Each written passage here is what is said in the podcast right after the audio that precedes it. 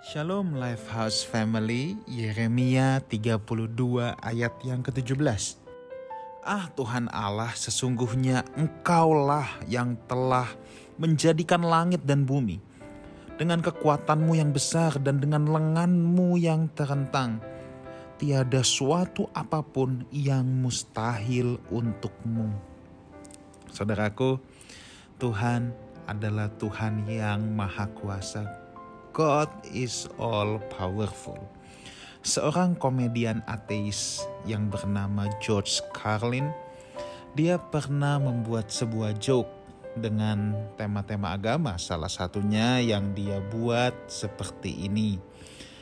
Dia sedang mempertanyakan kemahakuasaan Tuhan, lalu dia mengatakan, "Kalau Tuhan Maha Kuasa, bisakah dia menciptakan batu yang sangat berat yang dia sendiri nggak bisa angkat?"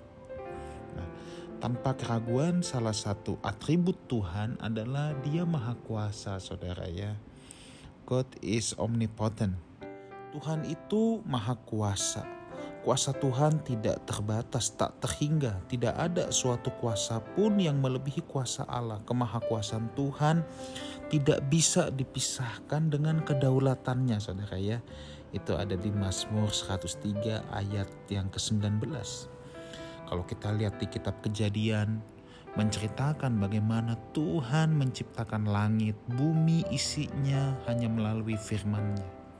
Tentu Tuhan mampu melakukan apa saja sesuai dengan kehendaknya.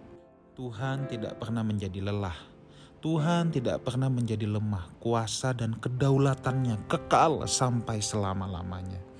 Bahkan dia memberikan kekuatan kepada anak-anaknya yang sedang lemah. Makanya Paulus berkata dalam Filipi 4 ayat 13, segala perkara dapat kutanggung di dalam dia yang memberikan kekuatan kepadaku. Ya, jadi Tuhan tidak pernah lelah ataupun lemah. Dia berikan kekuatan untuk saudara dan saya saat-saat kita lagi lemah. Itu sebabnya saudaraku dalam keterbatasan kita sebagai manusia, kita tidak mungkin mampu mengukur dan membayangkan betapa besarnya kuasa Tuhan. Ya. Kalau kita kembali pada statement paradoks yang kita perbincangkan di atas, apakah Tuhan bisa menciptakan batu yang dia sendiri tidak bisa angkat. Sebenarnya pertanyaan ini juga sama saja, apakah Tuhan bisa berbuat dosa? Oh, kalau Tuhan bisa semuanya, apakah dia bisa berbuat dosa? Nah, di sini yang kita harus ingat bahwa Tuhan tidak akan melakukan hal yang bertentangan dengan natur atau atribut dia yang lainnya. Dia adalah kudus, dia tidak akan berbuat dosa dia tidak bisa berbuat dosa sebab kudus adalah atributnya. Tuhan bukan manusia yang hari ini A, besok B.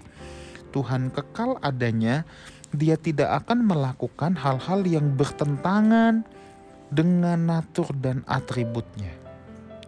Tuhan tidak bisa melakukan hal yang tidak di dalam kehendak dan rencananya ya.